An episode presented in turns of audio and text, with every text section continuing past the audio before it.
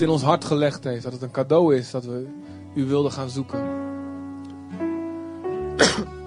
Jezus, u zegt dat als niemand kan tot mij komen behalve als de Vader het in zijn hart legt, aangetrokken te worden tot mij.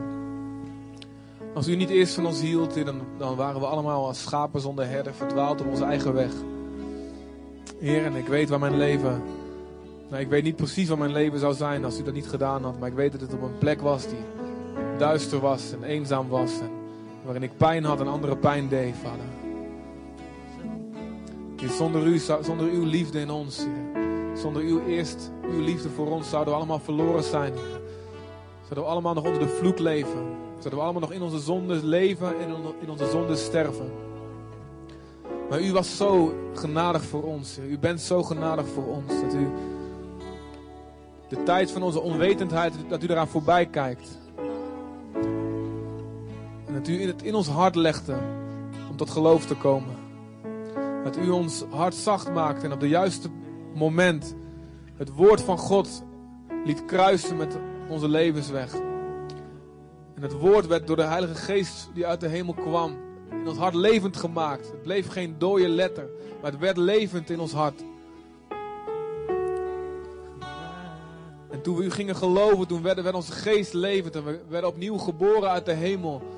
En we kregen een nieuw hart, een zacht hart, wat niks liever wilde dan uw wil te doen. En omdat u eerst van ons hield, daarom houden wij van u en staan we hier om u te aanbidden en om u alles terug te geven. Het is het minste wat we kunnen doen, is u onze aanbidding te geven.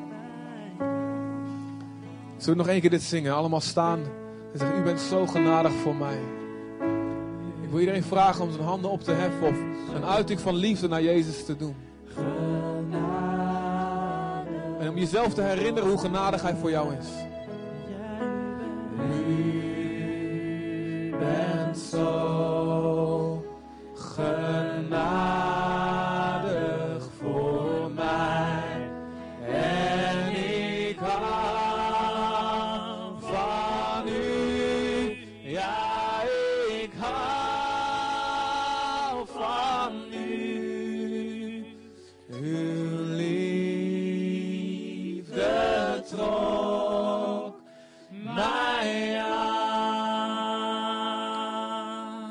blijven staan, wil ik je vragen om na te denken over de genade van God.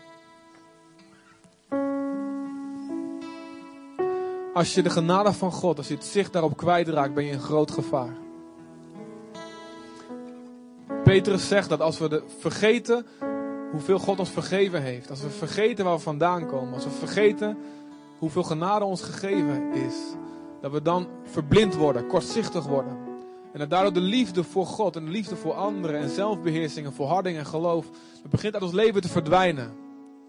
En we worden weer vatbaar voor de zonde en de, en de wereld wordt weer aantrekkelijk voor ons. En ons oude leventje, dat, dat lijkt in één keer niet meer zo erg, maar oh, best wel leuke dingen zaten daarin. Omdat we vergeten hoeveel genade God ons gegeven heeft. Daarom moeten we voortdurend terugkomen bij het kruis. Terugkomen bij het woord van God. In de gemeente. In onze tijd met God. Om herinnerd te worden aan de genade. Het is nooit een onderwerp waar je zeg maar uitgroeit. We moeten altijd terug naar het moment waar we Jezus ontmoeten bij het kruis. Om ons hart in de fik te houden.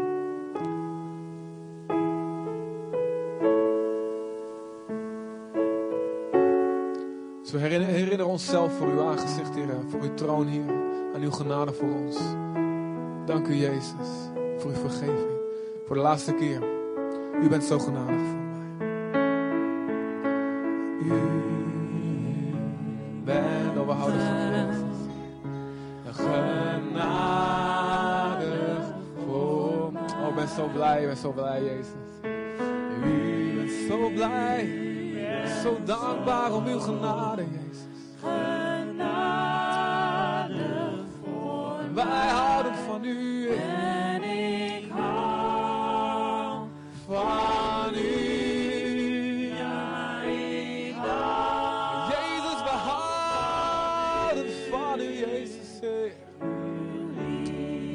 het kruis. De mijn van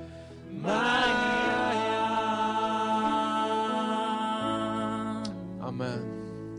Dank u, Heer. Zullen we God eren met een applaus voor zijn genade, voor zijn liefde. O Jezus, dank u voor uw genade.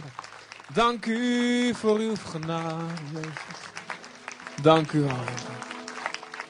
Dank u voor het kruis, Vader God, Heer. We danken dat u hier bent, dat u ons opnieuw uw genade geeft. Tenminste, degene onder ons die nederig zijn. Want u zegt in uw woord dat u weerstaat de hoogmoedigen. Maar de nederige geeft u genade. En wat wij, waarvoor wij nu weer voor willen kiezen is om nederig te zijn. Om niet te zeggen, wij weten alles al. Ik heb alles al een keer gehoord. Ik ben er al helemaal. Ik heb alles al gemaakt. Ik ben al heilig genoeg. Ik lijk al genoeg op Jezus. Heer, wij, wij, wij gooien die hoogmoed en trots als er iets van, van, daarvan in ons hart is. We werpen het zo ver mogelijk van ons. En we kiezen voor nederigheid om onze knieën te buigen voor u. En zeggen, we hebben u nodig opnieuw vandaag. En ook het woord wat u gaat spreken door uw dienaar Gerard, Vader God. Wij hebben het nodig. We kunnen het niet zonder, Vader. Heer, en het zal een belangrijke, een onmisbare bouwsteen zijn voor het geloof. Wat we nodig hebben om te overwinnen. En om te volharden tot het einde. In de liefde die u gegeven heeft, Heer. We danken u, Heer God. Dat u tot ons gaat spreken. We openen ons hart, Heer. En we zijn van u, Heer. Dank u wel. Gerard, zullen we nog even voor jou bidden ook nog? Dank u, Vader, voor Gerard. Dank u voor het woord wat op zijn hart is. En we bidden voor hem. Dat hij vrij zal zijn in Jezus' naam. Jezus. Heer, ik dank u wel, Heer, dat hij vrijmoedig is, Heer. Dat het woord wat op zijn hart is, dat het brandt, Vader. Laat het voluit en in alle kracht, Heer. Heer, aanwezig zijn in ons midden. Dat Jezus, het levende woord zelf, het levend maakt in onze harten, Vader God. Heer, ik dank u wel. We binden ook elke demonische macht, de vogels die het zaad willen roven en het willen wegnemen, zodat het geen vrucht draagt. In Jezus' naam, laat het in ons hart diep, Heer, geplant worden en vrucht dragen. Voor, tot uw eer, in Jezus' naam. Amen. Gerard, zeg alles wat je te zeggen hebt. Ja, amen. We hebben het nodig. Amen. Geweldig, Christian, dankjewel. Het is weer heerlijk om, eh, om hier te zijn. Mag ik hier gaan staan? Is dat. eh,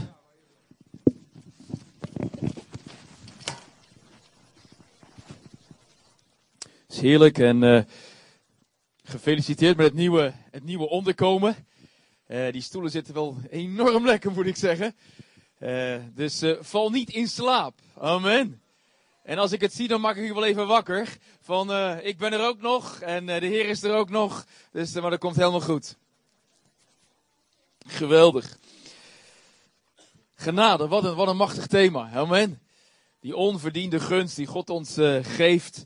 En ook in het Engels betekent zoiets als enabling power. Kracht die je in stelt om het onmogelijke mogelijk te maken. Dat is wat genade is. Nou, wat een, wat een woord, hè? Enabling power. Dus kracht die jou in staat stelt om datgene wat je normaal gesproken niet kan wel te doen. En dat is dus genade. En wij krijgen van de Heer datgene wat we niet hebben verdiend. En wat we wel hebben verdiend, krijgen we niet. Nou, wat een genade. Heerlijk. Nou, vannacht werd ik, eh, werd ik ook weer even wakker. En ik had een, eh, een preek eh, klaar voor jullie liggen. En toen, toen werd ik toch bepaald om iets anders te gaan onderwijzen. Eh, iets, iets te gaan, gaan spreken. Wat, eh, wat ik ook jullie wil, wil meegeven als een sleutel. Wat heel krachtig is in je wandel met, met God. En de aanleiding van dit woord heeft ook wel te maken met mijn, met mijn eh, bekering, met mijn wedergeboorte. Zo'n oh, zo, zo'n 28 jaar geleden dat ik een keuze voor de Heer Jezus heb gemaakt. En toen zei de Heer het volgende tegen mij. Van jouw zwakheid, van jouw handicap, maak ik een sterkte. En toen dacht ik op dat moment bij mezelf, dan moet er een wonder gebeuren in mijn leven. Nou, God heeft dat wonder gedaan. En ook vandaag de dag, handicaps, zwakheden, onvolkomenheden van mensen. Wij kunnen daar vaak een belijdenis over hebben. Ja, dat is nu eenmaal zo. Maar de Heer wil dat wat gaan veranderen. Want juist in die zwakheid wil God binnenkomen. Juist in dat onvolkomene. Juist in dat, in dat, in dat zwakke. Daar zegt God tegen. Ik ga dat een kracht maken voor de glorie en eer van mijn naam. Nou, die zwakheid, dat handicap in mijn leven was mijn, was mijn mond. Ik kon niet normaal spreken. Ik had een spraakgebrek, ik had een handicap, ik stotterde. En ik hield eerder mijn mond dan ik sprak. En, en God zei juist, die handicap, die ga ik gebruiken. Om mijn grote naam bekend te maken aan mensen. En dan dacht ik, hoe gaat God dat nou toch doen? Hoe doet hij dat? Want voor degenen die stotteren, die weten wat het is om voor mensen te gaan staan en dan je mond te openen. En op het moment dat je je mond wil openen, dan, dan je slaat dicht. Je gaat hakkelen, je gaat stotteren, de woorden komen niet uit je mond. En toch zegt God, daar ga ik een sterkte van maken. En samen met God heb ik dat handicap, of die handicap, overwonnen. Dat is niet van de een op andere dag gegaan. Dat heeft wel zo'n zo'n 14, 15 jaar geduurd. Maar iedere keer weer stond ik voor die spiegel. en ik zei tegen de Heer: van, van mijn zwakte, Heer, maak u een sterkte. En daarnaast werd ik eh, in augustus vorig jaar wakker gemaakt door de Heer. Dat noemen we dan zo'n nachtgezicht.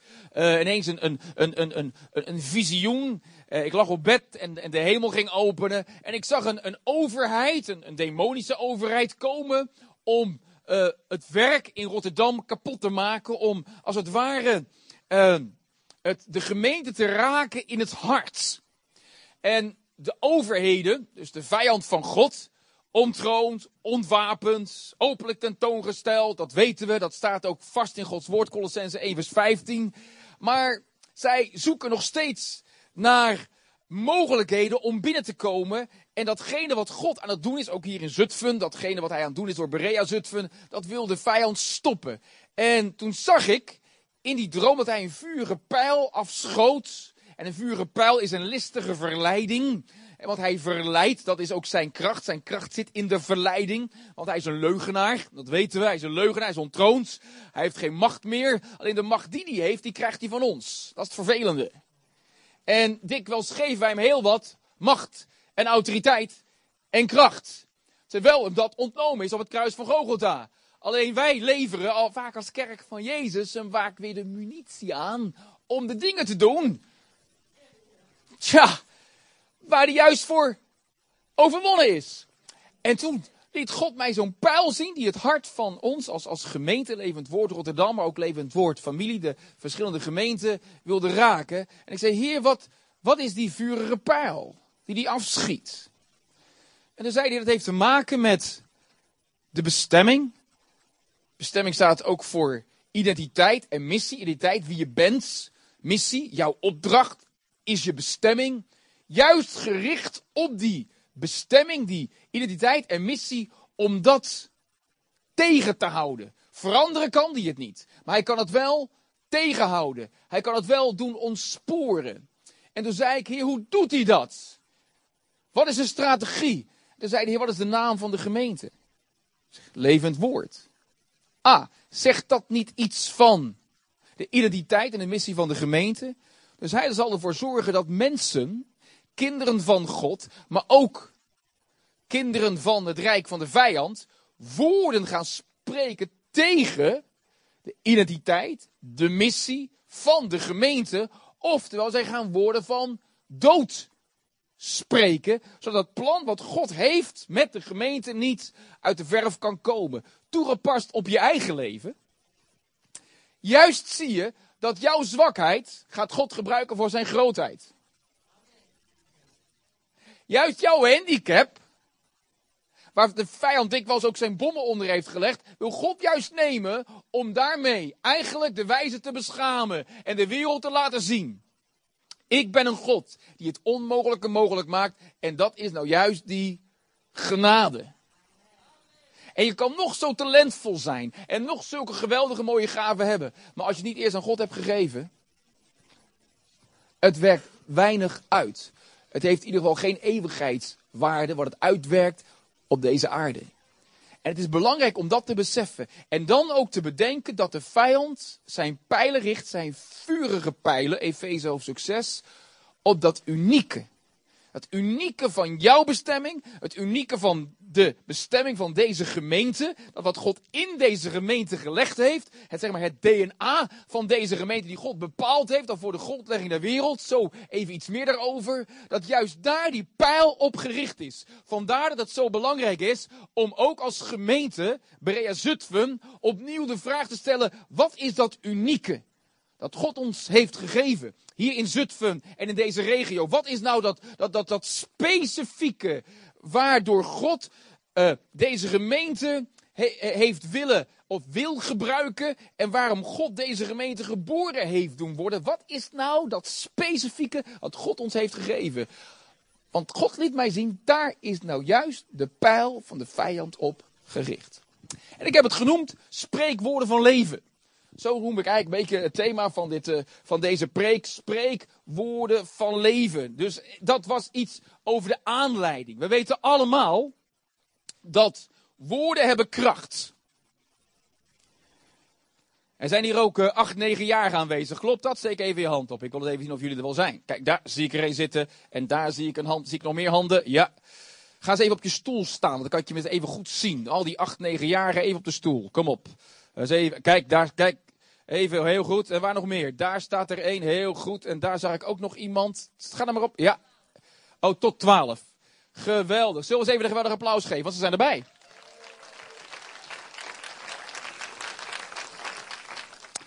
En ik hoop dat jullie ook deze preek een klein beetje begrijpen. En dat je, dat je beseft van, oh, woorden die ik spreek hebben kracht. We zeggen wel eens, jij grote. Nou, vul maar in. Dat zijn dan geen nette woorden. En denken, ah, schelden doet geen pijn. Nou, schelden doet misschien lichamelijk geen pijn, maar in de ziel staat het wel degelijk een wond. Want waarom? Er wordt iets tegen je gezegd wat je niet leuk vindt. Schelden doet wel degelijk pijn. En woorden bepalen de richting van je leven. Woorden bepalen de toekomst van je leven. Woorden hebben kracht. En het is belangrijk om dat ook als kinderen van God te beseffen. Woorden creëren een geestelijke realiteit rondom je leven. Rondom mij is er een atmosfeer, zuurstof en noem het allemaal op, wat, er, wat hier in de lucht ook is. Maar daarnaast leven we ook in een geestelijke dimensie. En om jou heen is er een geestelijke realiteit. En die bepaal je door de woorden van je mond. Het is of een realiteit van geloof, of een realiteit van ongeloof. Een realiteit van overtuiging, of een realiteit van twijfel. Een realiteit van liefde, of een realiteit van angst. En hoe ontstaat die realiteit? Door de woorden van jouw mond. Bij bepaalde mensen vind je het heerlijk om in de buurt te zijn. Want waarom? Er is een realiteit rondom die persoon van geloof, van visie, van autoriteit. Die gaat ervoor. En je wil je heel graag laten inspireren door die persoon. Want waarom? Wauw, wat die persoon heeft, wil ik eigenlijk ook. Nou, wat die persoon heeft is Christus. En Christus wil jij ook. Amen. En dat is een goed verlangen. Maar je kan ook wel eens rond de personen zijn en denk je van, och.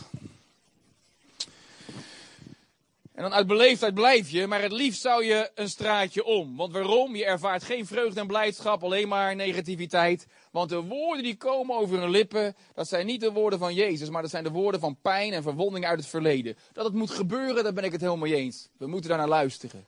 Maar laat het niet de realiteit van de geestelijke wereld rondom jou bepalen. Want juist de mensen met gebroken harten, juist de mensen die kapot zijn, kunnen een realiteit van geloof om zich heen hebben waar ik respect voor heb. Want die geloven in de grootheid van God. Zegt God komt in mijn gebrokenheid. God komt in mijn pijn. En dat is hun beleidenis. En dat is dan ook de realiteit rondom hun leven. Belangrijk om dat te beseffen. Ook Berea Zutphen heeft een geestelijke realiteit rondom zich. En die wil de vijand aanvallen. Want die realiteit die komt voort uit de, uit de bestemming van deze gemeente. Vandaar dat het zo belangrijk is om te weten wie ben jij als gemeente. Want dat creëert ook een realiteit.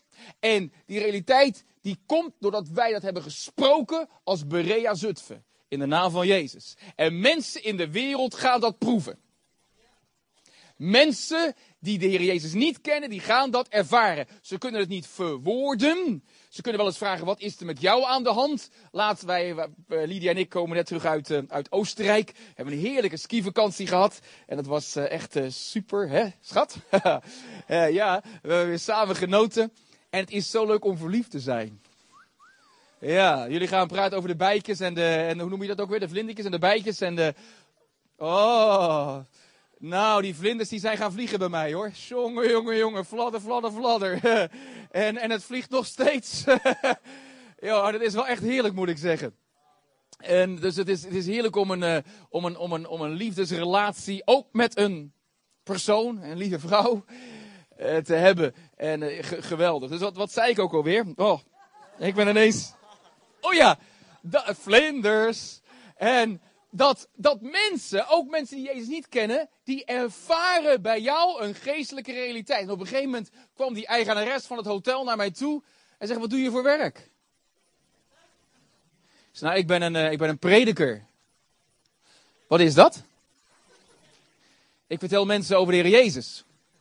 Dat dacht ik al. Want zij zag iets. Zij zag een realiteit van wat, wat jij hebt is anders dan anderen die hier komen.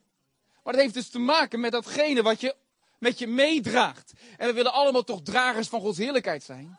Dragers van, van de kracht en de glorie van God zijn. Wij dragen de ark met ons mee. En jij hebt iets unieks van God gekregen. Wat deze broer met zich meedraagt. Wij dragen beide heerlijkheid, maar er is iets unieks in die heerlijkheid wat ik niet draag. Waarom? Want hij heeft iets specifieks van God gekregen, waardoor God wil stromen. En hetzelfde geldt ook voor deze gemeente. En wees je daar goed van bewust dat Berea Zutphen heeft iets specifieks, iets heel moois van God gekregen. Een geestelijke realiteit rondom deze gemeente waar jullie uit leven. En het is gekomen dat jullie zijn gaan spreken. En de vijand wil niet dat je dat spreekt. Want dan ga je indutten. En dan gaan we overleven. En de kerk van Jezus dient niet te overleven, maar dient te regeren. En genade doet ons regeren, Romeinen 5. En genade doet ons regeren. En dat is belangrijk om dat te beseffen. En ons hart is gegrond, is gevestigd in de genade, zegt Hebreeën, geloof ik, hoofdstuk 13. Zo'n prachtige tekst, dat, dat, dat ons hart ge, gegrondvest is in die genade. Nou, dat is allemaal wat woorden die, die creëren, die bepalen je toekomst, geven richting aan je leven.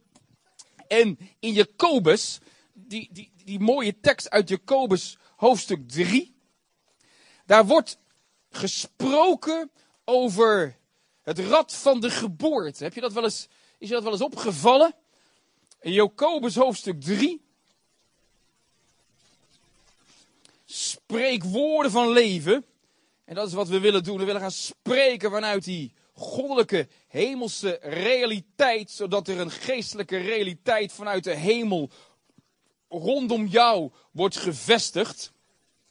En dan staat er in, in Jacobus hoofdstuk 3. In vers 5. Zo is ook de tong een klein lid. Klopt dat? Dat is een klein lid, hè? Kan je, heeft iedereen een tong? Oké, goed zo. Oké. En voer toch een hoge toon. Dat betekent, het, het kan een beetje pochen en pralen. En hier wordt de tong negatief beschreven. Zie hoe weinig vuur een groot borst in brand steekt. Je hebt maar een sigarettenpeuk nodig om een heel borst in brand te steken. Een klein, klein peukje van een sigaret kan een heel borst in de fik steken. Nou, zo is ook je tong. Het kan de boel in de fik steken. Waarmee gaan we zo horen. En dan staat er, zie hoe weinig vuur een groot borst in brand steekt. Ook de tong is een vuur. Zij is de wereld van de ongerechtigheid. De tong neemt haar plaats in onder onze leden als iets dat het gehele lichaam bezoedelt en het rad van de geboorte, oftewel je levensloop, in vlam zet. Terwijl zij zelf in vlam gezet wordt door de hel. Nou wordt de tong heel negatief beschreven, maar de tong kan ook op een positieve manier worden beschreven. En dan lezen we, zo is ook de tong een klein lid en voert toch een hoge toon. Met andere woorden, het prijst God. Het looft hem, het eert hem, het bemoedigt mensen. Zie hoe weinig vuur een groot borst in brand steekt. En de tong is een vuur. Zij is de wereld van gerechtigheid. Zij zet de wereld in brand voor Jezus. Met je mond, met je tong ga je de boel in de fik steken voor koning Jezus. We kennen toch al wel Herman Boon. Je kent wel Herman Boon. De fik erin. Nou, oké. Dat doe je dus met je mond, met je tong. Hoe dan? Door te spreken. Wat spreek je dan? God is goed. Jezus houdt van jou. Amen. Dat is wat je met je mond doet. En dan staat er, eh, haar tong, haar plaats in onze leden als iets dat het gehele lichaam bezoedelt, maar het kan ook het gehele lichaam zuiveren. Het kan het hele lichaam gezond maken. En het rad van de geboorte, oftewel je levensloop in vlam zet, terwijl het zelf in vlam gezet wordt door de hel. Maar je tong kan dus ook in vlam gezet worden door de hemel. En als je tong in vlam hebt zetten door de hel, dan kan je de Heer vragen, Heer, wilt u komen met die gloeiende kool van het altaar en reinig mijn mond, reinig mijn lippen. En als ik woorden heb gesproken, misschien zijn die wel kinderen, en er zijn die kinderen die tegen pa en ma hebben gezegd van, nou krijg te. Bijvoorbeeld. En ik luister niet naar u en ik doe toch niet wat u zegt. En daar kunnen allemaal nog hele akelige woorden bij komen. Dan zegt de Heer Jezus, je moet even naar mijn altaar toe. Pak eens even die vurige kool. Auw! Ja, dat doet ook auw, want je mond moet even gereinigd worden. Nou, ik weet je een verhaal te vertellen. Even voor de kinderen moet je niet van schrikken. Best wel even eng, maar het is wel een waar gebeurd verhaal. Een meisje van 12. Nogal rebels naar haar ouders toe. Met name naar haar moeder. Moeder staat boven aan de trap. Meisje staat onderaan de trap. Moeder vraagt aan het kind om iets te doen. En ze is al heel wat keren ongehoorzaam geweest. En ook heeft zij de kracht ontdekt van haar mond. Dan zegt ze tegen de moeder: Val dood. En op dat moment valt haar moeder dood. Bij het graf staat het kind. Mama, zo had ik het niet bedoeld. Maar ze heeft het wel gezegd. Ik denk, kan dat echt gebeuren? Woorden hebben kracht. De persoon die je nu bent, heeft alles te maken met de woorden die je hebt gesproken.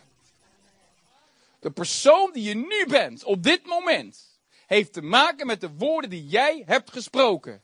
En die, die woorden heb je gesproken omdat je die woorden een keer hebt gehoord. En welke woorden heb je gehoord? Daarom is het zo belangrijk dat we het woord van God moeten horen. Want geloof komt door het horen en horen door het woord van God. Spreek de woorden van God, want de woorden van God zijn woorden van leven. En daarmee zet je deze aarde in vuur en vlam van de hemel. Amen. En niet meer van de hel. En je gaat je mond gebruiken, je tong gebruiken om woorden van leven te spreken. Zo krachtig. Ook dit gedeelte, dat raakte me weer. Heer, ik wil mijn tong laten gebruiken als een instrument van de hemel.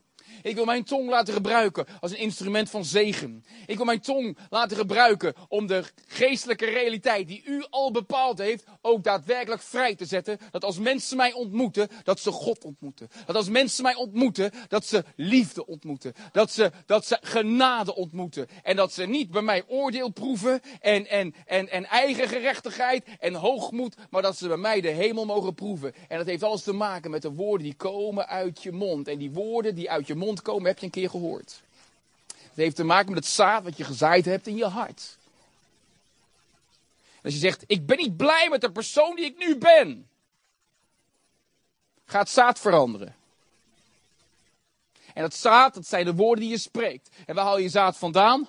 Haha, de zaadbuidel. Wat is de zaadbuidel? Het woord van God. En je gaat ander zaad zaaien in je leven. En dan ga je zien, oh, maar de vrucht die ik nu eet, ik ben helemaal vergeten om mijn, om mijn tekst te, te, citeren. Dood en leven in de macht van de tong. Wie aan het toegeeft, de vrucht zal je eten. Dood en leven in de macht van de tong. De vrucht die je eet, heeft alles te maken met de woorden die je hebt gesproken. En het is zo belangrijk dat we dat in de gaten houden. En ik ben als man, als jonge man van 18, 19 jaar, ben ik voor de spiegel gaan staan. En ik had een handicap. Maar ik ben gaan beleiden, dit handicap gaat niet mijn toekomst bepalen.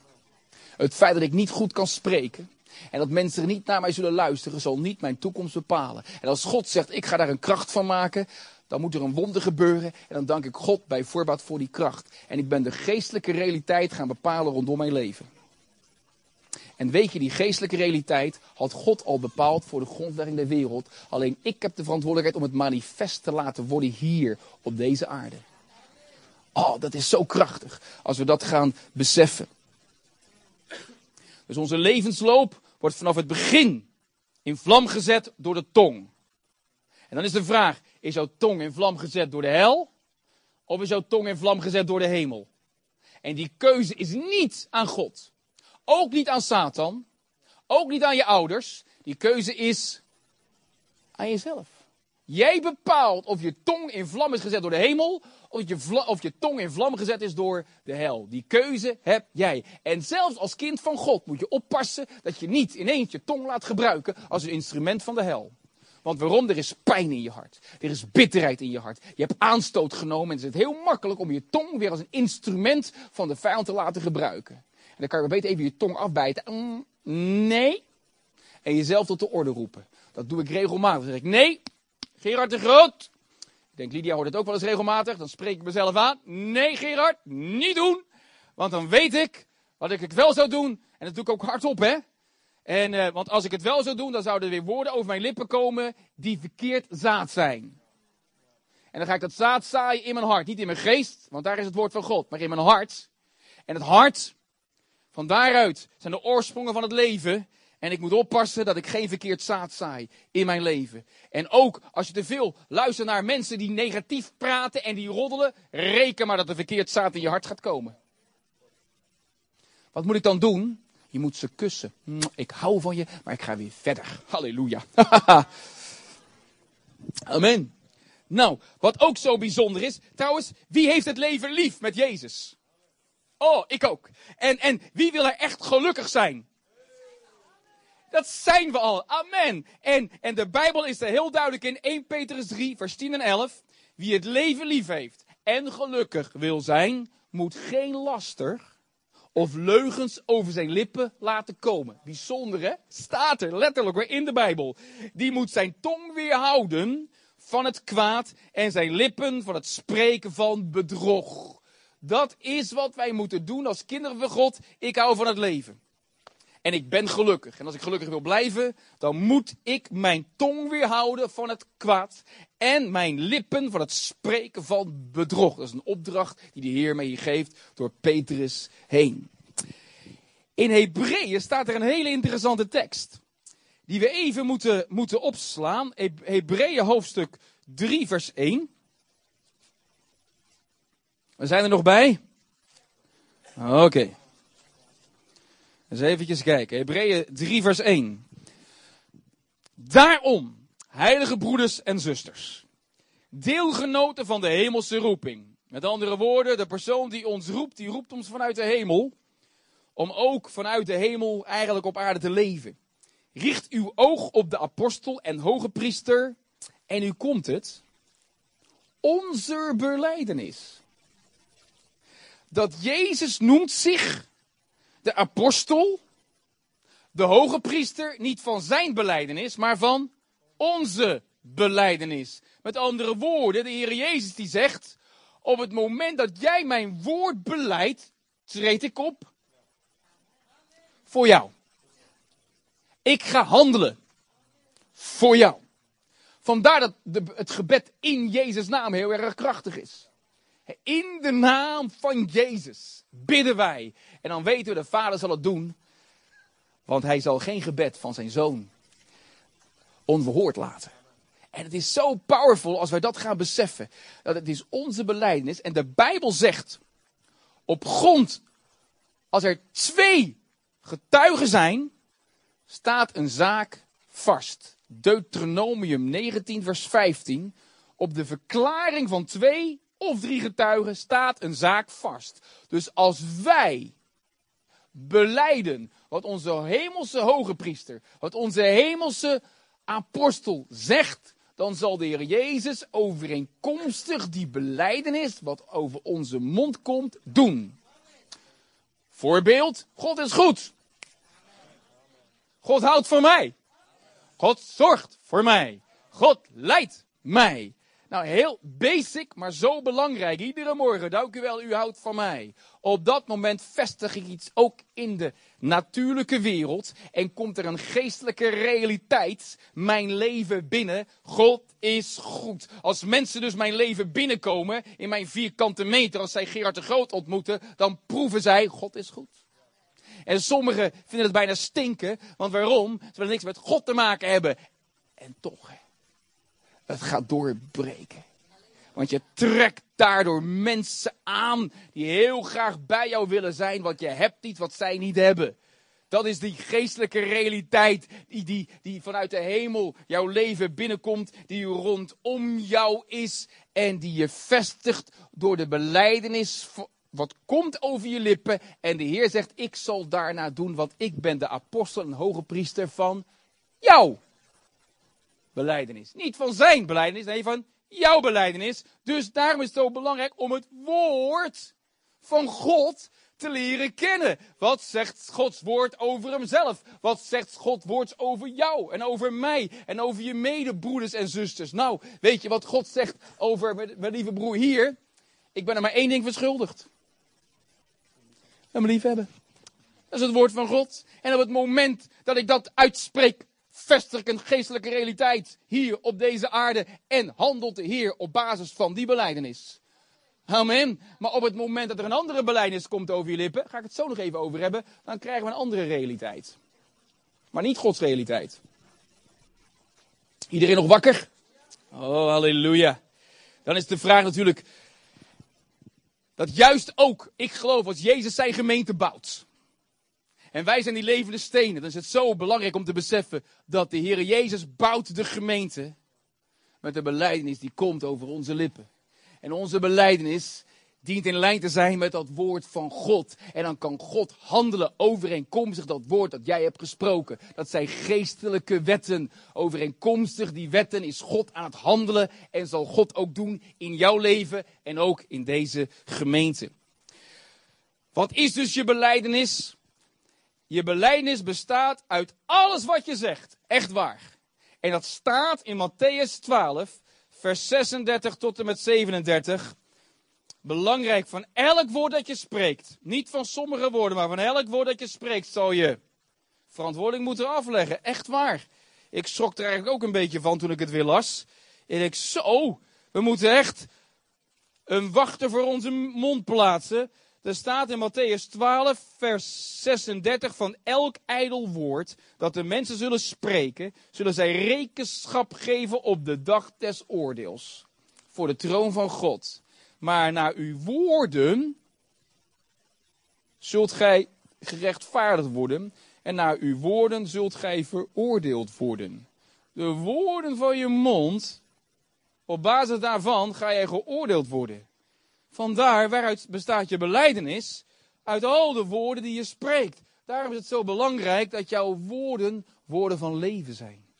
Woorden van geloof zijn. Woorden van visie. Woorden van liefde. Woorden van genade. Want daarmee ontstaat er die geestelijke realiteit rondom jou. En kan de Heer Jezus doen overeenkomstig jouw beleidenis. Ik heb wel eens gezegd, tijdens een, een samenkomst, ik was toen in, in, in, in Zwitserland. En toen moest ik spreken voor gasten van de hoop.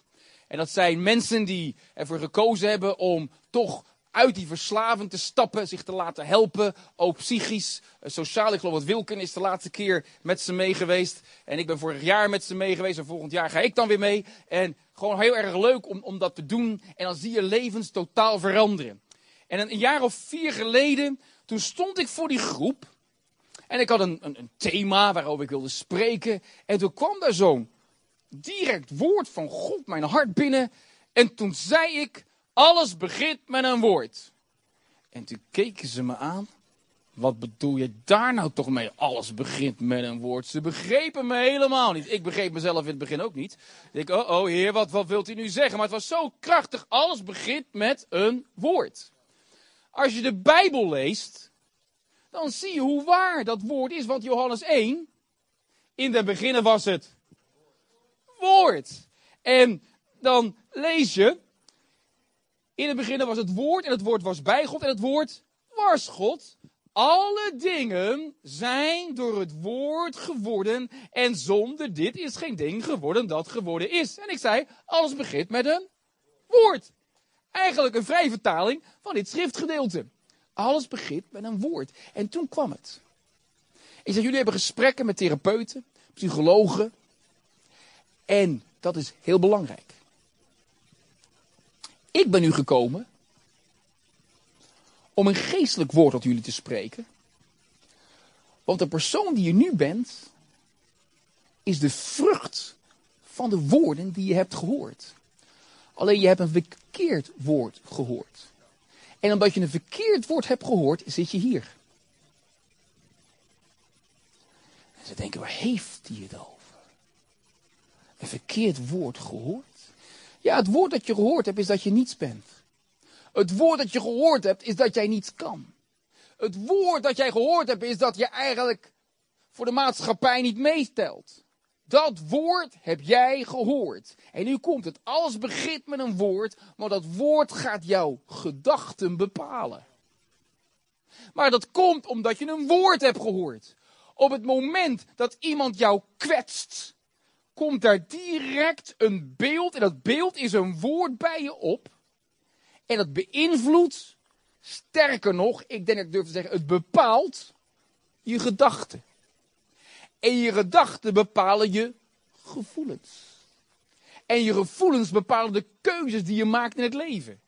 En de keuzes in het leven die je maakt bepaalt je gedrag. En jullie willen allemaal dat jullie gedrag wordt veranderd, daarom zit je hier. Maar ik ben niet als therapeut gekomen om jullie gedrag te veranderen. Ik ben gekomen om jullie een ander woord te laten horen zodat je gedrag uiteindelijk veranderd kan worden. Maar het begint allemaal bij het horen van een woord. En wat jullie nu moeten horen, hè, zo sprak ik tegen die gasten van de hoop, jullie moeten Gods woord gaan horen.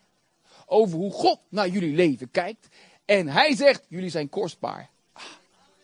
Jullie zijn waardevol. Jullie mogen er zijn. Jullie zijn niet het uitschot van deze samenleving en maatschappij. Jullie zijn geen verslaafd meer. Hm, verslaafde?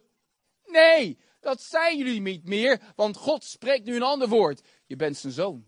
Je bent zijn dochter. En dat woord, dat ga je, komt in jouw gedachten. Dus dat woord bepaalt je gedachten. En dan, maar je gevoelens die schreeuwen, no, maar dat ervaar ik niet. Nee, natuurlijk niet, want je hebt een ander woord gehoord. Het andere woord heeft je gedachten bepaald en dus ook je gevoelens. Ik vergeet nooit wat ik tegen mijn jongste broer zei. Die was toen verslaafd aan de, aan de kook. En toen, zei, uh, en toen zei ik, joh, hoe kijk je nou naar jezelf? Wat vind je van jezelf? Hij zegt, ik vind mezelf een K-L-O-O-T-Z-A-K. En ik zeg, dat klopt. En ik zeg, dan ga je je ook zo gedragen. Hij zegt, dat klopt. En zo ga je je ook voelen. Hij zegt, dat klopt ook. Met andere woorden, dat woord bepaalt je gedachten. En de gedachten bepalen je gevoelens. En die gevoelens bepalen de keuzes die je maakt in het leven. En die keuzes het gedrag. En dat gedrag een gewoonte. En het gewoonte een karakter. En nu komt het. Dat, dat karakter bepaalt uiteindelijk je bestemming. En dat vind ik zo lief van God.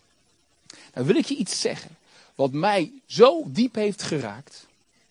Dat voor de grondlegging der wereld heeft God een woord gesproken. En dat woord bepaalt jouw bestemming. En bestemming is identiteit en missie. Wie je bent en je opdracht.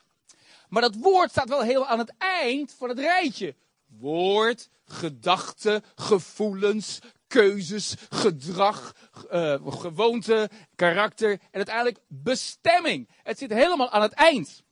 Maar dat is nou precies God. Want wat zegt God in Jezaja hoofdstuk 46? Jezaja, oh, heb ik het goed? Ja, Jezaja 46 vers 10. Dan staat, ik die van den beginnen de afloop verkondig en van ouds wat nog niet is geschied. Die zegt, mijn raadsbesluit zal volbracht worden. Zijn raadsbesluit houdt stand. In het begin bepaal ik al het eind. Jouw eind is al bepaald. Dat is je bestemming. Daar ga jij naartoe. Daar ben je naar op weg. En hoe heeft God dat gedaan?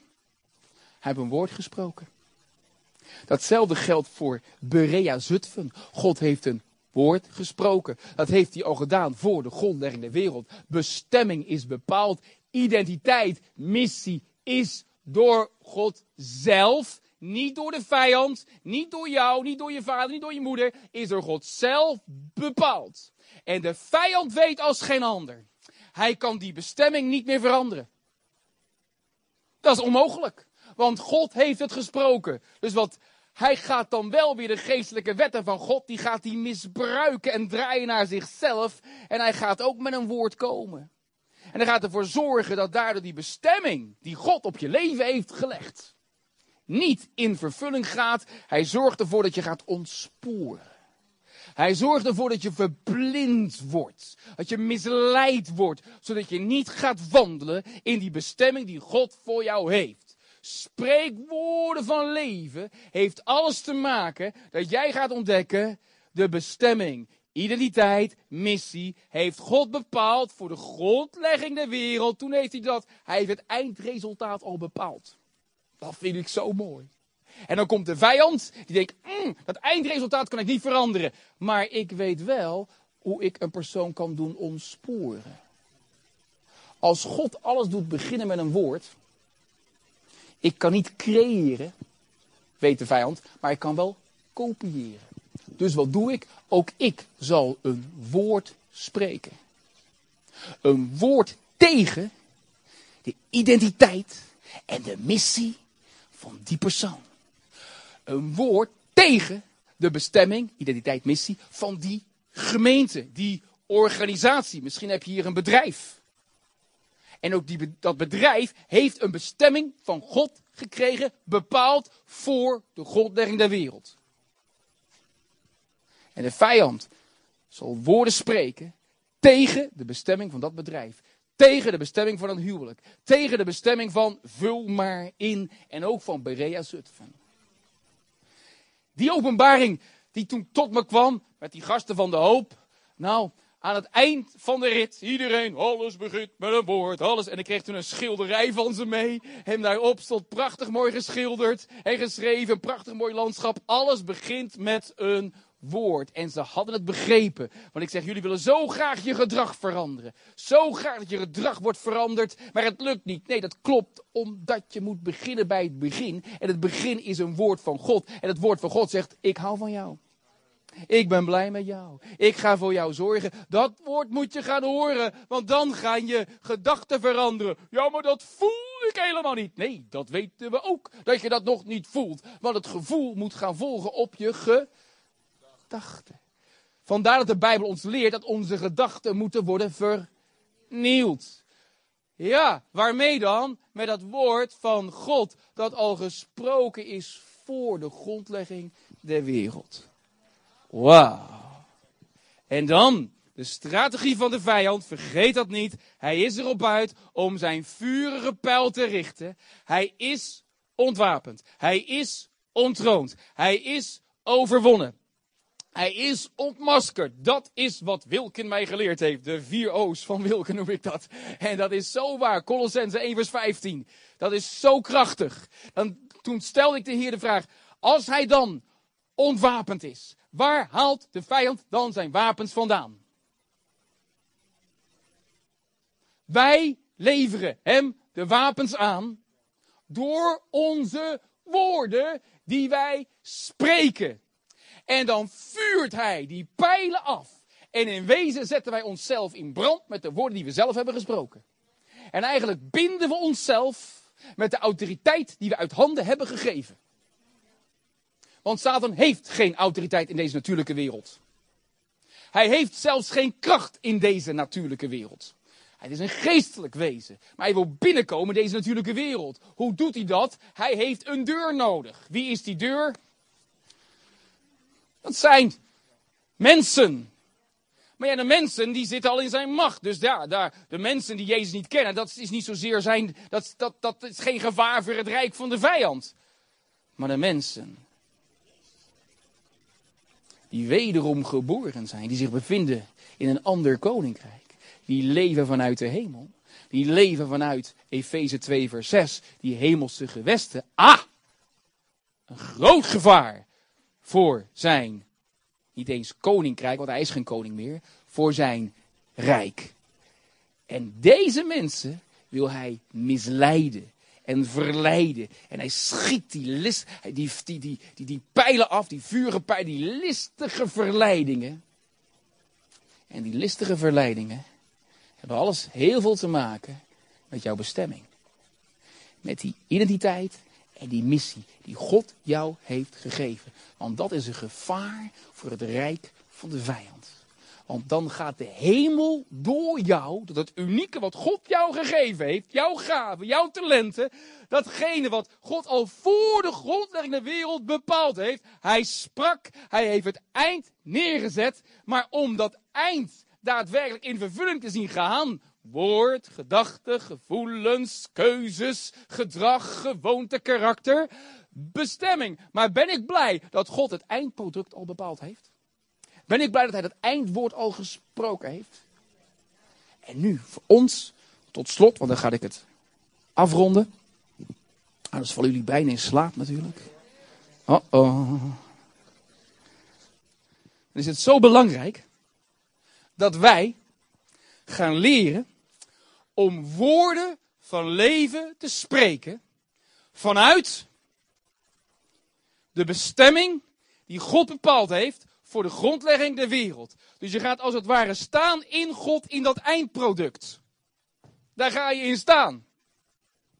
En van daaruit ga jij spreken. Wat ga je spreken? Woorden van leven, woorden van God. Welke woorden? God houdt van mij. Welke woorden? God zorgt voor mij. Welke woorden? God ziet mij zitten. God gelooft in mij. Ik ben belangrijk voor God. Deze woorden ga je, ga je, ga je spreken vanuit die geestelijke realiteit die God al bepaald heeft. Dat gaat je denken bepalen. Daardoor ook je gevoelens, de keuzes die je maakt, het gedrag en de gewoontes in het leven. En daarnaast, oh wat een schatjes allemaal hè. En daarnaast ga je ook zien dat je karakter meer en meer gaat lijken op God. En laten we er echt, laten we waakzaam zijn dat we niet door onze beleidenis voortdurend onze zwakheden gaan bekrachtigen. Ja, ik ben nu eenmaal zo. Dit is nu eenmaal mijn lot. God zal het wel zo gewild hebben. Oh, die onvolmaaktheden, die handicaps, die zonde, die ziekte, ja, dat hoort nu eenmaal bij mij. Uh, uh, uh, uh. God wil daar juist in komen. Maar dan is het zo belangrijk dat je gaat staan in die geestelijke realiteit die God heeft gesproken voor de grondlegging van de wereld. Halleluja. Laten we gaan staan met elkaar en de Heer is even een geweldig klapoffer geven. Dank u Jezus. Halleluja. Santa daarbij. Oh, dank u wel, Vader. Dank u wel, Vader. Halleluja. Ha. De Heer liet me heel duidelijk zien dat ik dit woord vannacht even een ommekeer in mijn, in mijn richting van prediking. En specifiek Berea Zutphen. Oudste raad. Zij die de leiding hebben deze gemeente. Waar staat deze gemeente voor? Wat is het unieke van Berea Zutphen? Wat is dat specifieke, dat DNA wat God gegeven heeft, bepaald voor de grondlegging der wereld? Ga van daaruit spreken. Dat creëert een geestelijke realiteit. En juist in die zwakte en in dat handicap, in die handicap gaat God komen om zijn grootheid en zijn heerlijkheid te openbaren. Want wat mij juist is opgevallen, als God mij heeft geroepen al voor de grondlegging der wereld, terwijl ik toch een handicap had, dan denk ik, hoe kan dat, Heer? Maar Gods woord staat vast. En hij is in mijn handicap gekomen. En juist in die zwakheid, zelfs van een gemeente, gaat God komen om zijn grootheid te openbaren en de wijze te beschamen in deze wereld. En de gemeente, want de oogst in Zutphen is rijp. Hè? Er is iets in deze, dit gebied, er is een oogst binnen te halen. Er is echt, mensen zijn open voor iets bovennatuurlijks. Speel daarop in. Want dat laat ook weer iets zien, het unieke van deze gemeente. En dat is wat God wil vrijzetten. In Jezus' naam. En dat we met elkaar die, die, die gewoon dat, dat, dat de bestemming van deze gemeente mogen vrijzetten. En niet tolereren dat de vijand die vuren pijl richt.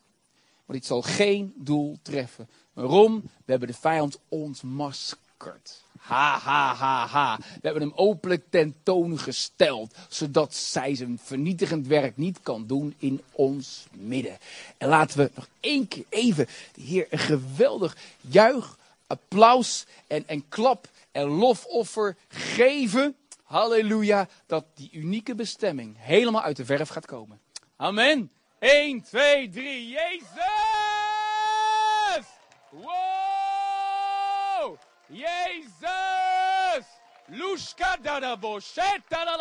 La la bonta la la bandriai. Halleluja! Oh, Jezus. Dank u wel, Vader. Dank u wel, Vader. Dank u wel, Vader. Halleluja! Halleluja! La banta la la la la la la la bonta la la la badriai. Halleluja! Halleluja! Halleluja! In Jezus' naam. En als jij ervaart dat je woorden hebt gesproken die niet in lijn zijn met Gods plan voor je leven. Dat je gemerkt hebt dat je de laatste tijd negatief bent gaan spreken over jezelf, misschien over anderen of over de gemeente. De Heer zegt heel eenvoudig, bekeer je, maar dat zegt hij uit liefde. Want waarom? Hij heeft iets moois voor ogen voor jou. En hij wil niet dat jij jezelf blokkeert in je wandel met hem. Laat je mond reinigen. Laat, het, la- laat, die, laat die, die, die vurige kool, die gloeiende kool van het altaar, jouw lippen aanraken. Zodat je mond en je tong gereinigd wordt en dat daar nog dat er leven over gaat komen. Amen. Roddel is landbouwgif. Doe er niet aan mee. Ja, maar ik ben het niet met die persoon eens. Dan ga je naar die persoon toe. Amen. Je deelt gewoon je hart. En als het niet jouw gezagsgebied is, laat het alsjeblieft. En ga jij weer doen datgene wat je moet doen. Amen. Want zo werkt het toch in het koninkrijk. Want wij Nederlanders hebben overal wat over te zeggen hoor. Absoluut. En dat is prima wat mij betreft. Maar soms zeg ik ook, hou maar gewoon je mond. En doe datgene wat jij moet doen. Waar jij verantwoordelijk voor bent. Amen. En dan gaan we veel verder. Dan gaan we veel sneller. Het koninkrijk van God zien baanbreken. Ook hier in Zutphen. Prijs God. Halleluja. Ik, ik denk dat ik het gewoon. Ik, het woord is genoeg geweest. Ik denk dat het gewoon helder en duidelijk is geweest. En eh, er zal altijd wel gebed, ruimte zijn voor gebed. En eh, er zullen gebedswerkers zijn die fijn met u kunnen bidden. Maar neem dit woord mee. Luister er nog eens een keer naar op de website. Want voor mij zijn het best mooie woorden van God geweest. Halleluja. Amen.